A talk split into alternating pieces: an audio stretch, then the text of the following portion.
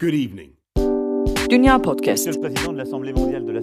Liebe Mitbürgerinnen, liebe Mitbürger. Haftalık Dünya ve Avrupa gündemi.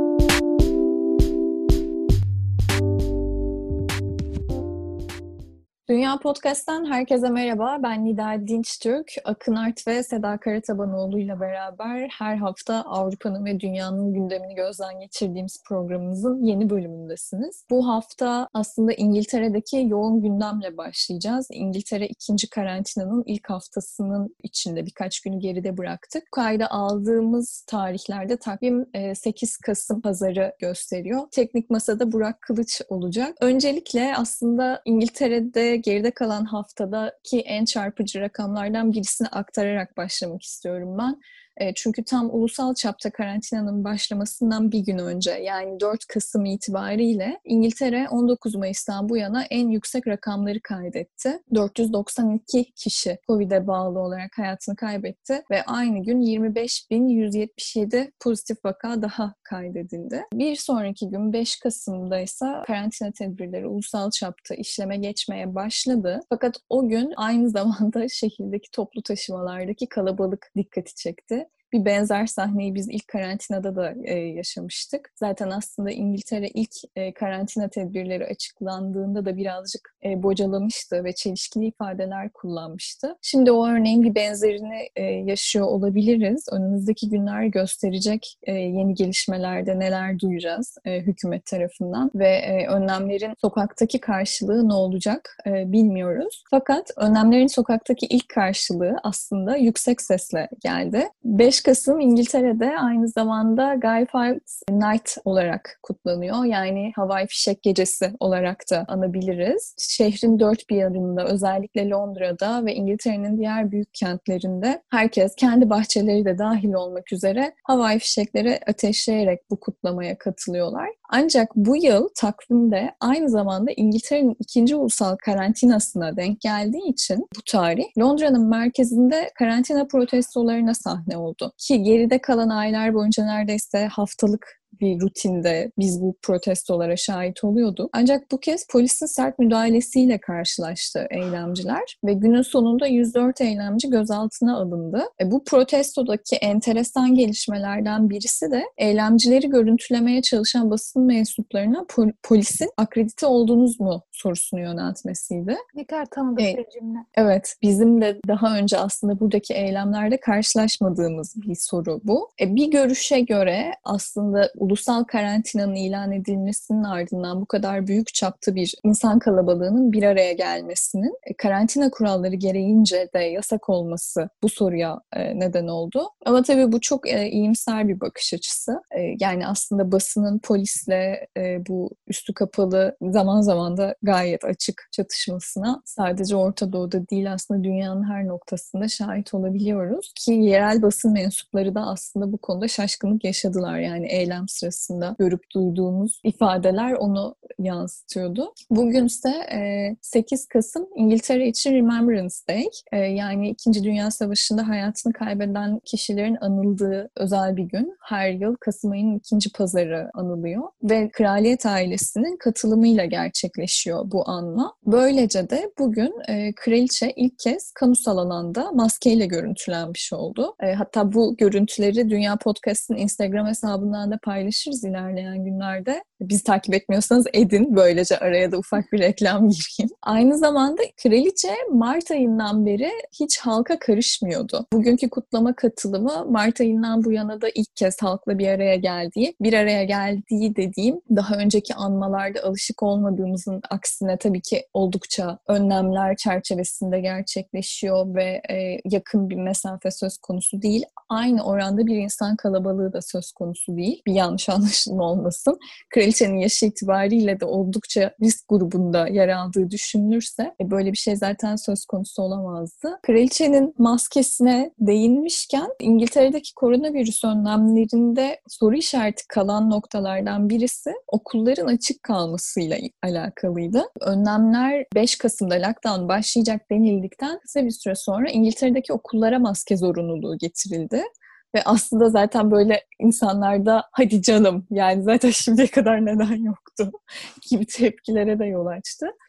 e, tüm orta öğretim öğrencilerinin ve öğretmenlerin e, okulda da yüz maskesi takması zorunlu kılındı. Normalde kamusal alanlarda takıyorlardı ama sınıflarda takmaları için bir zorunluluk söz konusu değildi. Fakat ilkokul çağındaki çocuklar için halen daha böyle bir zorunluluk yok. Böyle hızlıca bu e, önlemlerle ilgili notları geçtikten sonra aslında İngiltere için pandeminin e, en çok tartışmalı alanlarından birisi olan ekonomiyle alakalı gelişmelere geçeceğim. Hep e, aylardır arka planda ekonomiyle ilgili e, sıkıntılar dile getiriliyordu ve ben de önceki programlarda çok kez bunu aktarmaya çalıştım. Ülkenin en büyük perakende zincirlerinden birisi John Lewis and Partners e, kriz satışları etkilemeye devam ettiği için nakit tasarrufu yapabilmek adına 1500 kişiyi daha işten çıkartacağını ilan etti geride kalan haftada. Hatta bu bağlamda finans direktörü Patrick Lewis 26 yıl sonra yeni fırsatlar aramak için işten ayrılacağını açıkladı. Geride kalan dönemde de John Lewis 50 mağazadan 8'ini kapatmıştı ve işte içinde üst düzey yönetim üyelerinin de olduğu yaklaşık 1300 çalışanın işine son vermişti. Bu haberin hemen ardından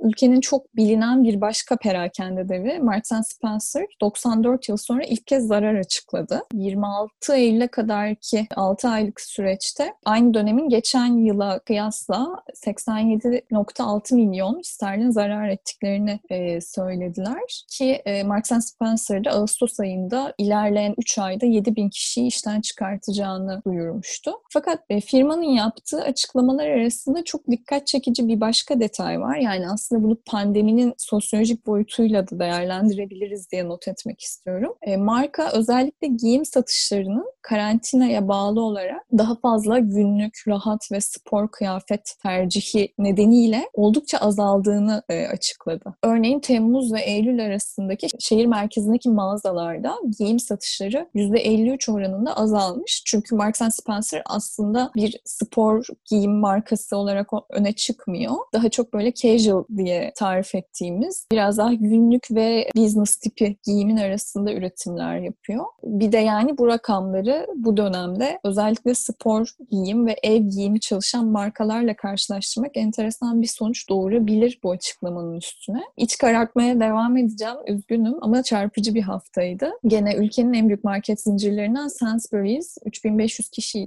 işten e, çıkartacağını duyurdu ve ekonomik e, tedbirler gereği tüm mağazalarındaki et, balık, şarküteri tezgahlarını da kapatacağını ilan etti. Bunca karanlık ekonomik haberinin ardından belki birazcık yüreklere su serpebilecek bir gelişme oldu. Beklenenin aksine İngiltere'de e, hükümet lockdown'un ardından açıkladığı normal şartlarda Kasım ayına sarkmayacak, Ekim ayı itibariyle bitecek maaş yardımını önce Kasım ayına da uzattığını söylemişti. Geride kalan haftada ise bu yardımı Mart ayına kadar uzattıklarını açıkladılar ki bu oldukça beklenmedikti. Üstelik geride kalan aylarda bu yardımın oranı giderek azalmışken yeni yapılan açıklamada Mart ayına kadar hiçbir azalma olmayacağı, 2500 pound'a kadar çalışanların maaşının %80'inin hükümet tarafından ödenmeye devam edeceği e, söylendi. Bu fena olmayan bir gelişme. Fakat yine bu yardımlarla alakalı daha önce de belirttiğim gibi özellikle çeşitli işletmelerin yalan beyanda bulunarak suç işledikleri yavaş yavaş açığa çıkmaya başlıyor ve bu kişiler hakkında işlem yapılıyor. Yine geride kalan e, haftada e, Ağustos ayı boyunca İngiltere'de insanların dışarıda yemek yemesini teşvik etmek için ve e, restoran ve barların, kafelerin ekonomik durumlarının düzelebilmesi için geliştirilen bir paket vardı. Eat Out to Help adında. Buna göre e, haftanın ilk 3 günü kişilerin 10 pound'a kadar olan hesaplarının yarısı hükümet tarafından ödeniyordu. Bununla ilgili dolandırıcılık yaptıkları e, şüphesiyle 3 e, erkek tutuklandı. Rishi Sunak da bununla ilgili yani aslında bu yardımların ödenen vergilerle, halk tarafından ödenen vergilerle sağlanabildiğini e, anımsatarak kişilerin aslında neyle suçlandıklarını e, açıklamaya çalıştı. Bir diğer tutuklama ise işletmelere bir yıl boyunca geri ödemesiz hükümet desteğiyle verilen bounce back loan kredileriyle ilgili e, yanlış beyanda, yalan beyanda bulunarak dolandırıcılık suçlamasıyla gene üç kişinin tutuklanması e, söz konusu oldu. Ama bu kişiler sorgulan, sorgulamalarının ardından soruşturma altında serbest bırakıldılar. Tabii bu bounce back loan meselesi bir yandan tartışmalı.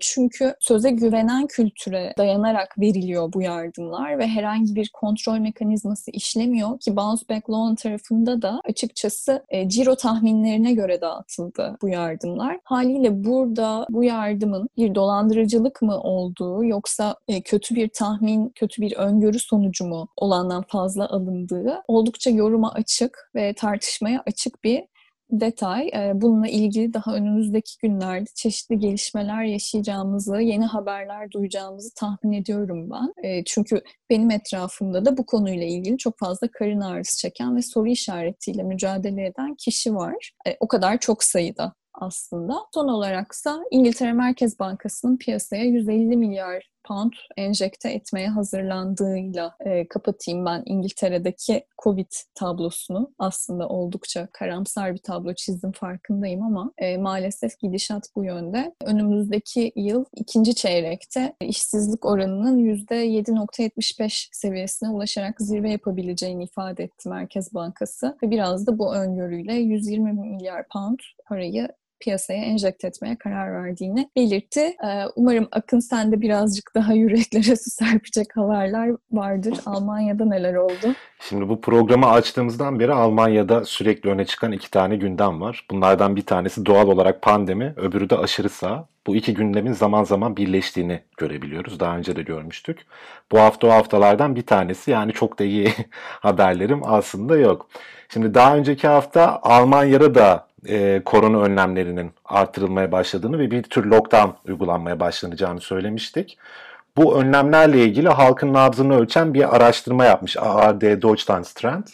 Ve bu araştırmaya göre Almanların %79'u pandeminin daha katı önlemleri olmadan kontrol altına alınamayacağını belirtmiş. Yani alınan önlemlere dair ve daha fazla önlemler alınmasına dair aslında genel bir konsensüs olduğunu söylemek mümkün. Sadece %19'u katılımcıların bu önermeye karşı çıkmış. Yeni önlemler toplumun %56'sı tarafından olumlu bulunmuş. %24 ise bu önlemlerin biraz abartılı olduğu görüşünü belirtmiş. %86'sı katılımcıların okulların ve bakım evlerinin açık kalmaya devam etmesinden yana ki zaten açıklar şu anda. Nüfusun %85'i gündelik hayatının önlemlerden olumlu, olumsuz anlamda ciddi şekilde etkilenmediğini söylemiş. Etkilenmediğini veya az etkilendiğini söylemiş. Özür dilerim. Bu iki şıktan birini tercih etmiş. E, fakat 40 yaş altı katılımcılara geldiğimizde bu oranın %23'e kadar çıktığını görüyoruz. Yani gençler açısından muhtemelen güvenceyle vesaireyle alakalı bir durum var. Bu durumun daha çarpıcı etkileri olduğunu söylemek mümkün. Şimdi bu araştırmaya göre genel olarak Almanya'da alınan önlemlere dair bir memnuniyet veya işte destek, yetmez ama evet tavrı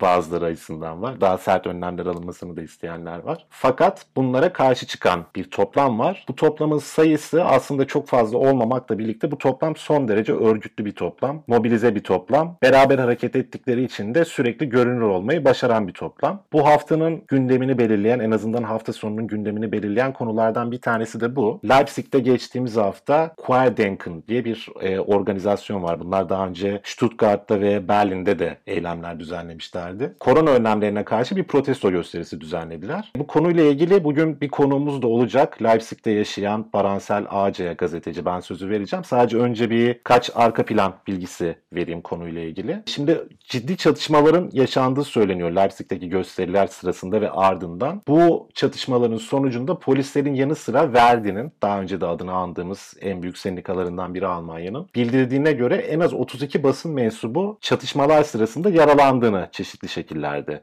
bildirmiş. Oldukça ciddi sayılabilecek bir rakam. E, olaylar eylemin dağılmaya başlamasıyla birlikte büyük oranda büyümüş. Gösteri barışçıl geçiyormuş büyük oranda. Yani bu benim şeyden okudum. E, Target Show'dan. Baransel anlatacak zaten detaylarını. E, göstericilerin yürümesine izin verilmemiş. Sabit bir protesto olarak yapılması gerekiyormuş bu protestonun. Yürüyüş içermemesi gerekiyormuş. Korona önlemlerinden dolayı. Fakat dizi gösterici buna uymak istememiş. Şimdi Leipzig Emniyet Müdürü Thorsten Schutze üzerimizde bizde şiddet kullanmama yönünde büyük bir baskı vardı demiş ve bunun ellerini kollarını bağladığını söylemiş göstericilere müdahale konusunda. Biraz da bu yüzden yeterli müdahaleyi yapmakta geç kaldıklarını belirtmiş Schulze e, ve akşama doğru olayların büyüdüğü söyleniyor. Çünkü büyük oranda sağcıların oluşturduğu söylenen gösterici topluluğu şehrin bir tarafında gösteri yaparken başka taraflarında dağınık dağınık bazı solcu gruplarda karşı gösteriler yapmış. Akşam saatlerinde de şehrin güneyinde bir takım polisle çatışmalar yaşanmış. Büyük oranda solcular ve polis arasında hatta solcular bir karakola taşlarla ve havai fişekle saldırmışlar. Şehrin güneyinde yer alan Konevitz diye bir mahalle var bu arada. Bu mahalle son derece solcu, punk, anarşistlerin büyük oranda yaşadığı bir mahalle. Bu ranın girişine de barikatlar kurulmuş, barikatlar ateşe verilmiş vesaire gösteriler büyümüş. Olaylar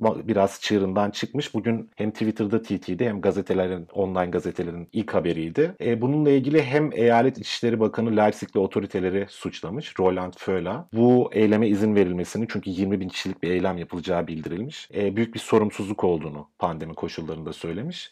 Dışişleri Bakanı Heiko Maas da bir tweet aracılığıyla eylem özgürlüğünü desteklediklerini ancak böyle şiddet içeren eylemleri desteklemediklerini söylemiş. Ben böyle bir arka plan vermiş olayım. E, sözü Baransel'e bırakayım. Ben genel olarak sana Leipzig'te ne oldu, neler yaşandı, kimler bu gösterilere katıldı diye genel bir soru sormuş olayım. Sen de neler gözlemledin orada anlat istersen. Senin çizdiğin genel çerçeve aslında uygun fakat ayrıntıda biraz farklılıklar var. Mesela senin alıntı yaptığın haberde bahsedilen çatışma aslında olmadı. Yani çatışma diye bir şey yok aslında. Eylemin yani mitingin ana gövdesinin kitlesiyle polis arasında bir çatışma yaşanmadı. Hı hı, onlar da öyle demiş. Barışçıl ama çıkışında bir şeyler yaşanmış. Yani dağılan gruplarla aralarında. Evet. Hatta şöyle oldu. Ya çatışma solcularla yaşandı. Solcuların da bu eylemle ilgili fikri şuydu zaten. Yani neden buna izin veriyorsunuz şeklinde meydana geldi solcular ve polis solcuları engelledi. Daha sonrasında eylem dağılırken solcuları Konevitz'e doğru itelediler. Konevitz de bilmeyenler için söyleyeyim buranın Gazi Mahallesi gibi bir yer. oraya gerçekten oraya doğru bir niteleme bence de. Oraya doğru e, ittirdiler ve ondan sonra artık orada başka bir çatışma başladı. Çünkü e, antifacı ekibin yani solcu ekibin oraya gelme sebebi aslında bir bu miting halk sağlığını tehdit ediyor. İki e, burada tutuklanan bir e, antifacı Lina diye bir kadın var. Hani onun salınmasını talep ediyorlar her eylemde, her sokağa çıklarında. Onunla alakalı bir e, mevzu var. Onun dışında bahsettiğin de dağılırken yaşanan şey çatışma değil. Hatta videoları da var Twitter'da. Mitingin bileşimi aşırı sağcılardan oluşuyor. Yani çok fazla sağcı var. Naziler var, bu, bu kendilerine imparatorluk vatandaşı diyenler var. Komplo teorisyenleri var. Ya çok ilginç gelecek ama hippiler var böyle çıplak ayaklarla gelmişler. Onun dışında çok ilginç, daha çok böyle Hristiyan demokratların oy tabanından oluşan bir kesim bunlar aslında. Ve hükümete karşı e, şeyi söylüyorlar. Örgütlü olmalarından dolayı görünürler senin de dediğin gibi. Ve söyledikleri şey şu, bir kısmı diyor ki ya bu önlemler çok katı ama daha büyük bir kısmı e, çok ilginç. Korona aslında bir proje. Korona diye bir şey yok. Bunu abartıyorlar ve bu aslında işte bazı güç odaklarının yaratmış olduğu bir paranoyadan ibaret vesaire vesaire. Bununla ilgili bir sürü bildiri de dağıtıldı meydanda çeşitli örgütler tarafından. Ama iki gündür Leipzig'te tartışılan şey şu. Polis niye bu kadar yetersiz kaldı? Polis neden müdahale etmedi? Leipzig'teki polislerin e, açıklaması ne kadar doğru? E, Valla açıkçası kimse buna inanmıyor. Çünkü e, bir tane video da var Twitter'a düştü yine. Polisler, amirlerden birisi e, yanından geçen sağcı kitleye, kitleye onay işareti yapıyor ve gülüyor. Sonrasında bununla ilgili açıklama da yapıldı hatta. E, işte onun sorumlusu onu eleştirdi. Hani o bölümün sorumlusu aslında eleştirdi. Onayladığımız bir şey değil şeklinde bir açıklama yapıldı ama diğer videoları gördüğünüzde bir çatışma olmadığını görüyorsunuz. Havai fişek atılıyor polise. Polis hiçbir şey yapmıyor. Açılıyor. Yani miting dağıldı deniyor. Miting dağılmadı bu arada. Bir yürüyüş kolu olarak 20 e, binle sınırlandırılmıştı ki bu bile şey hani miting 20 e, binine izin verilmişti. Bu bile çok fazlaydı, eleştiriliyordu. 20 bini aştı. Yani 30 bine yaklaştığı söyleniyor. Ki ben de alanı gezdiğimde görebiliyordum. 20 binin çok üstündeydi o. Ve o kitle büyük bir yürüyüş kolu olarak polisi yara yara neredeyse polis nezaretinde diyeyim. Çünkü poliste çok büyük bir çatışma yaşanmadan şehrin içine girdi. Burada neden önemli bu? Leipzig bu eyaletteki en az vakaya sahip kent. Yani e, o şey haritadan da baktığınızda her yer kırmızıdır mesela. Leipzig gridir. Şimdi eğer komplodan bahsedeceksek şu daha e, akla yatkın bir komplo. Yani gerçekten koronayı yaymak için buraya gelmişler gibi bir durum vardı. Çünkü binlerce insan maskesiz, sosyal mesafe kuralına uymadan kentte gezdiler, her yere girdiler ve insanlara, maske takan insanlara hakaret ettiler. Hatta saldırdılar. Alman Gazeteciler Birliği'nin de açıklamasında 32 çatışmalarda 32 gazeteci yaralandı diyor ya. O da bir çatışma değil. Orada da çatışma yok. Onun da videoda görüntüler, videolar videoları var. Daha çok istasyon bölgesinde bir ırkçı grup var. Gazeteciler de onu görüntülemeye gidiyorlar. Ve bu ırkçı grup polis orada olmasına rağmen gazetecilere saldırıyor. Tekme tokat gazetecileri dövüyor. Ya bu bir çatış. Yani çatışmanın arasında kalan ve yaralanan gazetecilerden bahsetmiyoruz burada. Doğrudan basını hedef alan bir ırkçı saldırı var. Aşırı sağcı e, örgütler orada bir araya geldiler ve kendilerini görüntüleyen basın mensuplarına saldırdılar. Ve bunların hepsinin e, videoları var. Bağırış çağrıştan ne söyledikleri anlaşılıyor. Yani genel olarak bunlara bakıldığında özellikle yanılmıyorsam SPD'li bir e, yönetici, belediye meclisinden bir e, yönetici söylemişti bunu. Yani e, sanki devlet kontrolünde, polis kontrolünde bir aşırı sağcı gövde gösterisi yapıldı ve polis de bunu izledi. Bu şekilde değerlendiriyorlar genel olarak e, buradaki eylemleri ve benim görüşümde net olarak bu polis herhangi bir şey yapmadı. Hatta şöyle bir şey söyleyeyim. Konevitz'te solcular polisle çatışırken eylem bitmek üzere, eylemin bitmesine yakın bir e, saatte ki bu akşam saat 9.30 oluyor. Öğlen 12.1'de başladı bu eylem ve 8.30-9 saat sürdü. Akşam 9'a doğru bütün kitle, oradaki aşırı sağcılar e, polise teşekkür ediyordu sloganlarla. Gale etmediği için. Yani bu yani polisin açıklaması o açıdan samimi değil. Hiç samimi değil. Ben şey Ee, sormak istiyorum. Akın sözünü böldüm. Yok yok sen sor. Hem sana hem Baransel'e daha önce e, bu salgının başında Berlin'de yine maske karşıtı bir eylem olmuştu. Eylemi düzenleyenler benzer örgütler mi? Ya da benzer Aynı grup. Aynı birebir aynı grup. Peki ceza yazılmıyor mu? Çünkü belli bir sayıda insan sokakta olabiliyor. Daha önceki programda iki ayrı haneden en fazla 10 kişi bir araya gelebiliyor demiştin. Bu eylem Fransa'da olsaydı polis oraya giderdi hem dağıtırdı hem de yakaladığında cezayı keserdi mesela. Ee, önceden bildirilmiş bir gösteri olduğu için ve otoriteler onayladığı için e, sosyal mesafe önlemleri kapsamında yasal olarak bir şey olmuyor sanırım ama hani yani bilmiyorum şey eylem sırasında böyle uyarılar oldu mu onları Baransel bilir ama teorik olarak dediğim gibi. Aslında Tırnak içinde akredite olmuşlar. Aha evet. Aslında buna da uyulmadı. Yani belediye meclisi ısrarla reddetti. Augustusplatz'ta e, izin vermedi ama bastırdılar ve izni çıkardılar. Fakat sadece ben oradayken ilk mitingin ilk 15 dakikasında 7 kere 8 kere polis uyardı. Ki bizde olduğu gibi onlarda da 3 uyarıdan sonra e, miting e, yasa dışı ilan edilebiliyor. Ve zaten akşama doğru da belediye meclisi mitingin artık iptal edildiğini ilan etti. Ama mesela zaten o saate kadar zaten yeterince ihlal gerçekleşti. Yani sadece ben oradayken ilk 15 dakika boyunca defalarca polis uyardı. Her uyardığında biraz daha birbirlerine yaklaştılar. Her uyardığın, uyar, polis uyardığında maskeler çıktı. Etrafta maske takanları daha fazla, daha sert uyarmaya başladılar. Hatta ben e, çok fazla insan ma- e, maske taktığım için bana tepki gösterdiğinden dolayı ben alandan çıktım. Yani öyle bir e, anormal bir durum vardı e, bugün orada. Ya şöyle bir pankart vardı mesela adam kutucuklar koymuş. İşte İsa, maske, karantina, işte lockdown falan bunları koymuş ve sadece İsa'yı işaretlemiş. Bizdeki şey gibi işte Allah da gerisini önemseme.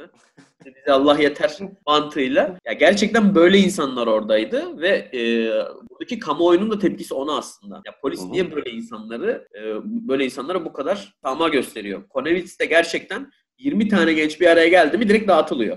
Bir şey soracağım Baransel bu arada. E, Leipzig'li mi bu eylemciler yoksa dışarıdan katılımda ciddi boyutlarda mı? Çünkü 20 bin kişi dedin hatta 20 binden fazla dedin. Çok ciddi bir rakam. Bunu sorduğun çok iyi oldu. Ee, Bunu belirtmem gerekiyor. Zaten hepsinin pankartları vardı. Stuttgart'tan, Erfurt'tan, Hamburg'dan, Berlin'den, daha adını hani tam hatırlayamadığım pek çok kentten trenlerle buraya geldiler. Eminim ki Leipzig'ten katılım o kadar değildir. Çünkü yani ellerinde pankartları vardı ve geldikleri şehirlerin isimleri yazıyordu orada. Yani hepsinin 16. Leipzig'ten olması mümkün değil. 16 eyaletin virüsünü oraya taşıdılar yani. Tabii ya gerçekten bu çok ilginç yani burada bir komplo teorisi yapılması gerekiyorsa gerçekten farklı farklı e, salgının oldukça yüksek seviyelerde seyrettiği bölgelerden salgının en düşük olduğu yere insan taşıdılar ve bunu örgütlü bir şekilde yaptılar ve sokakta normal Leipzig'li insanların maskelerini çıkarttırdılar. Ya bu bildiğin aslında suç yani burada direkt e, müdahale edilmesi gerekiyor ama polis herhangi bir şekilde müdahale etmediği gibi az önce bahsettiğim gibi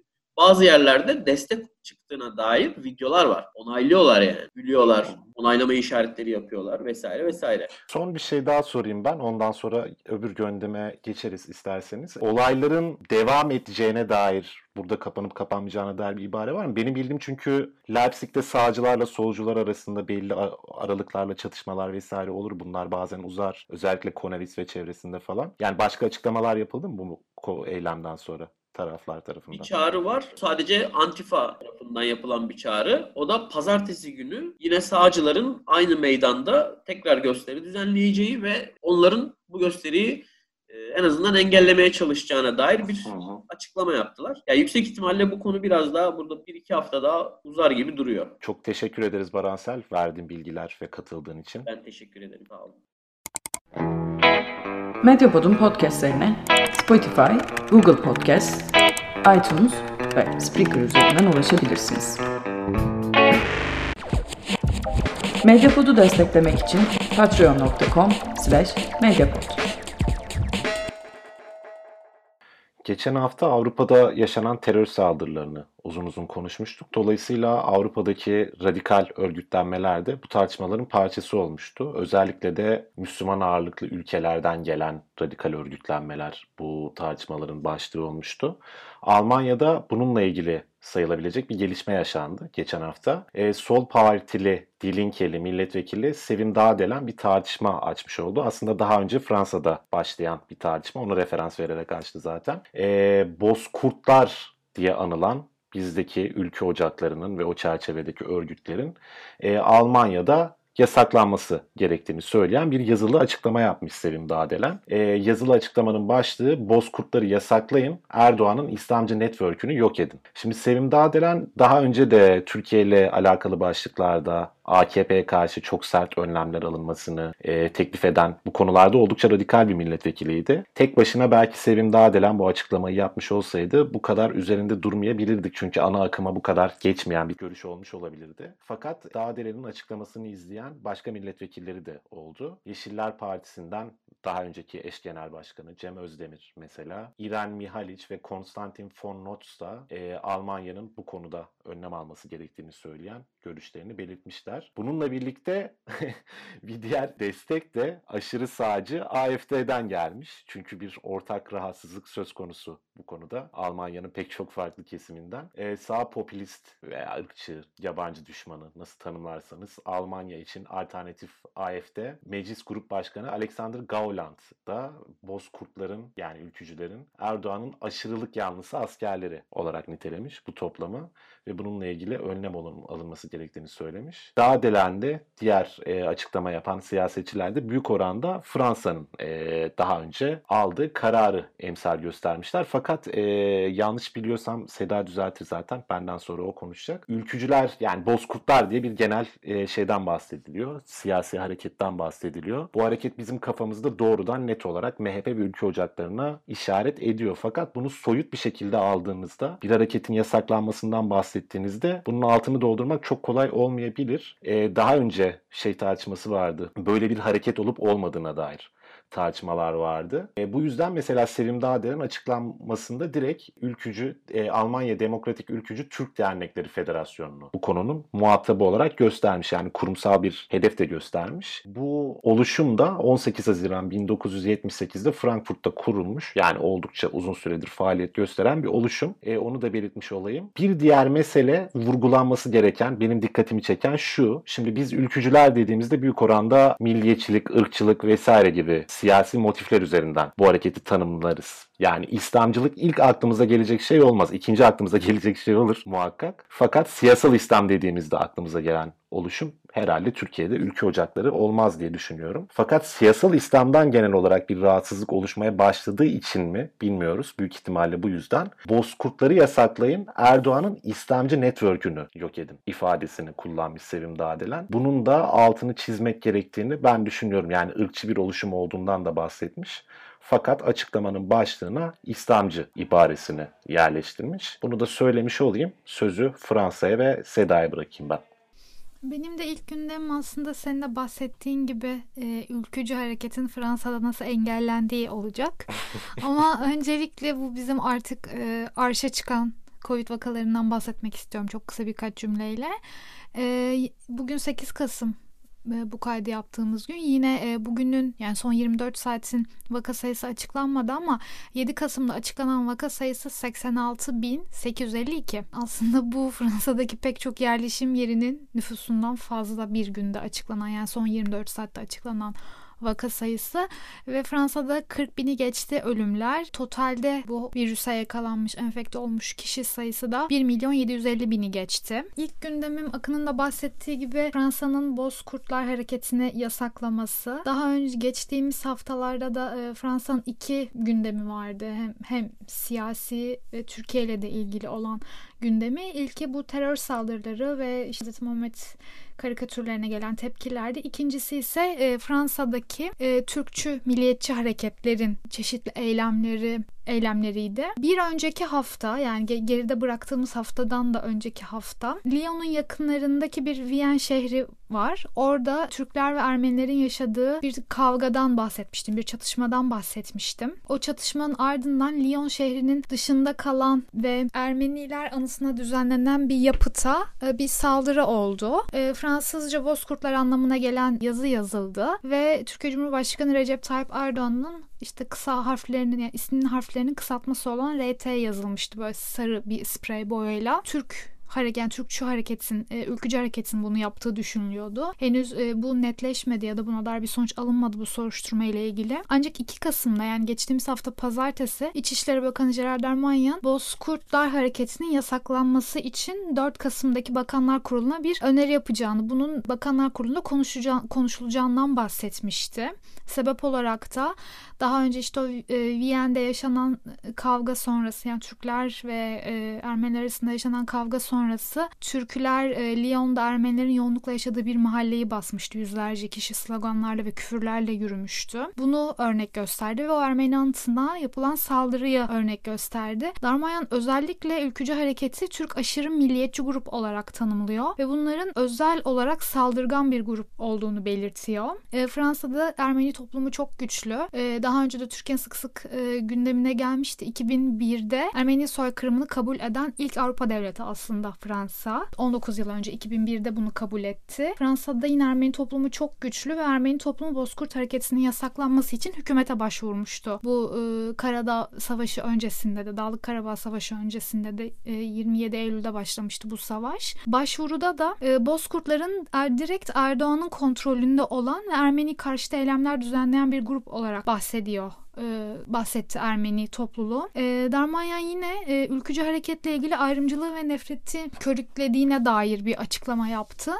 Aslında buna dair e, er, yani Türk Fransa'daki Ermeni toplumunun ve hükümetin elini güçlendiren bir örnek var. Biraz önce söylediğim gibi Dağlık Karabağ Savaşı 27 Eylül'de başlamıştı. Bundan çok önce Lyon'da yaşayan Ahmet Çetin isimli hem Türkiye vatandaşı hem Fransa vatandaşı e, bir genç 23 yaşında olduğu belirtiliyor. Bir video yayınlamıştı ve videoda şöyle diyordu. Türkiye hükümeti bana aylık 2000 euro ve silah versin. Fransa'nın neresinde olursa olsun gerekeni yaparım diye bir cümle var. Sonrasında da Ermenilere ve Kürtlere Türklere yönelik tehditler vardı bu videoda. Bunları söylüyordu. Ahmet Çetin e, Fransa'da yargılan yani bu videodan sonra e, yargılanmaya başladı. O video kısa bir süre sonra kendisi tarafından kaldırıldı. 5 Kasım'da davası vardı ve 6 ay ertelemeli hapis cezası çıktı ve 5000 euro para cezası kesildi. 5000 euronun 4000 eurosu 4 ayrı Ermeni derneğine gidecek şekilde bir ceza verildi. Ee, yine hükümet tarafından Bozkurtların yasaklanması e, gündeme getirildiğinde Bozkurtların özellikle Kürt Ermeni kökenli insanlara karşı ayrımcılık yapmayı yaptıklarını ve bunlar yani Kürt Ermeni kökenli insanlara karşı şiddeti kışkırt e, kışkırtma yönelik bir ideolojiye sahip olduğu açıklanmıştı. Yine önceki gün Lyon'un da içinde bulunduğu Ronap bölgesinde valilik bir karar aldı. Ermeni okul ve kiliselerinin güvenliğini arttırma yönelik polis sayısının e, artacağını söyledi. Yani zaten Fransa'da genel olarak kiliseler ve mezarlıklar bu terör saldırılarından dolayı ve okullar e, etrafındaki polis sayısı artırılacaktı. Özellikle Ronalp bölgesi yani Lyon'un içinde alan bu olayların gerçekleştiği Ermeni ve Türkiye kökenli insanların bir karşı karşıya geldiği bölgenin valisi böyle bir karar aldı. Şimdi bu dernek olarak geçiyor Fransa'da. Akında bahsettiği gibi bir hareketi somut olarak tarif edip yasaklamak çok kolay değil. E, burada e, federasyonu olarak geçiyor ülkücü hareket. E, hükümet de üye sayısının tam belirlenemediği bir topluluk dernekler yasasına uygun değildir diyerek kapatma kararı verdi. Fransa'da aslında geride bıraktığımız hafta yine böyle bir eylemlilik haftasıydı. E, Covid ile ilgili bir eylem süreci geçirdi Fransa. E, bildiğiniz gibi Fransa ulusal karantinada bir haftayı yani 10 günü geride bıraktık ve ilk karantinadan farklı olarak okullar açık. Kreş, ilkokul, ortaokul ve liseler fiziksel eğitime devam ediyor. Okula gidip geliyorlar. Ancak Fransa'dan iki haftalık bir sömestr e, dönem arası bir tatil vardı. Bu tatil 2 Kasım'da sona erdi ve lise öğrencileri okula döndü. Ancak e, hükümetin ve Eğitim Bakanlığı'nın ve Sağlık Bakanlığı'nın yeterli önlem almadığını düşünen bazı lise öğrencileri eylemler düzenledi. Liseyi e, işte işgal ettiler. E, bu lisede grev var gibi yazılar yazdılar. Öğrenciler hem kendilerinin hem öğretmenlerinin hem de hem kendilerinin hem öğretmenlerinin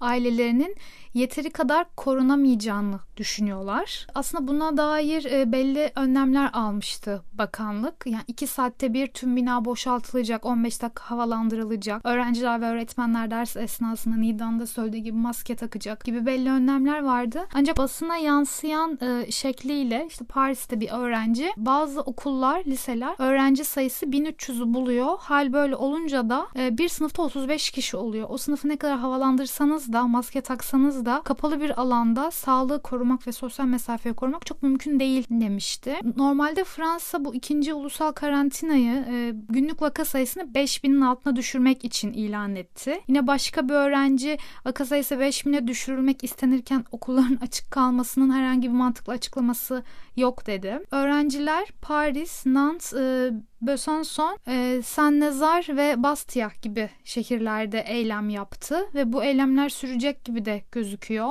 E, çünkü dediğim gibi son yani bir önceki gün 46 bin vaka sayısı hatta 47 bine yakın bir vaka sayısı var. 5 bine düşürmesi gerçekten çok gerçekçi gözükmüyor şu an Fransa'da. Çünkü yaz yani 11 Mayıs'ta ilk karantina bitmişti ve çok biz fazlasıyla normal bir hayata dönmüştük Fransa'da. Bazı şehirlerde maske zorunluluğu vardı evet ama e, yani bir saat dışarıda dolaşsanız o maske zorunluluğunun aslında ceza yememek için takıldığını görebilirsiniz. O kadar normal hayata döndükten sonra tekrar e, bu kısıtlamaların ne kadar işe yarayıp yarayacağı bilinmiyor. Bazı bilim kurulu üyeleri Noel tatilini Fransızlar e, kapanma esnasında yani karantinada geçirebilir deniyor ama hükümet aslında Noel'de e, seyahat yas, e, yasağı olmasın, herkes rahat bir şekilde seyahat edip tatilini yapsın diye getirmişlerdi bu e, ikinci karantinayı. Bir Aralık'a kadar sürecek ikinci karantina. Büyük ihtimal Kasım 20'si gibi yani bir Aralık'ta bitecek mi yoksa devam mı edecek görmüş olacağız. E, bu haftalık Fransa böyleydi. Evet böylece aslında dünyanın bu haftaki gündemini tamamlamışız gibi görünüyor. Ee, biz bu kaydı alırken e, Türkiye'de Hazine ve Maliye Bakanı Berat Albayrak istifa ettiğini Instagram hesabından Ben de kesmemek için söylemiyorum deminden beri. açıkladı. Evet. Biz de aslında bu kayda başlamadan hemen önce bir ters okumayla ilerleyen günlerde e, Euro ve Pound'un Türk Lirası karşısındaki akıl almaz artışını konuşsak mı diye düşünüyorduk. E, bu haberin üstüne gerçekten enteresan bir bölüm olabilir. Bilmiyorum siz ne istersiniz sevgili dinleyenler bu konuyla ilgili önerileriniz olursa lütfen bize de yazın. E, bu arada da e, Biden'ın zaferini e, yani Biden'ın zaferini kutlamaktan ziyade Trump'ın gidişini e, kutlayacağımız bir program da kaydedebilirdik. Ama sosyal medya hesaplarımızda bizi motive edici e, etkileşimler yaratmadığınız için bu konu hiç olmamış gibi davranmaya karar verdik. Bir yandan iyi de Ve oldu Nida bu- çünkü ben e, gaza gelip ben şarkıyla açarım programı demişti. o yüzden benim için iyi oldu aslında. Evet, e, o yüzden biz de hiç bıkmamışsınız gibi bir kez daha Covid konuşarak bu haftaki bölümü e, sonlandırıyoruz. Yeni haftada yeni gündemle görüşmek üzere. Hoşça kalın. Hoşça kalın. Hoşçakalın.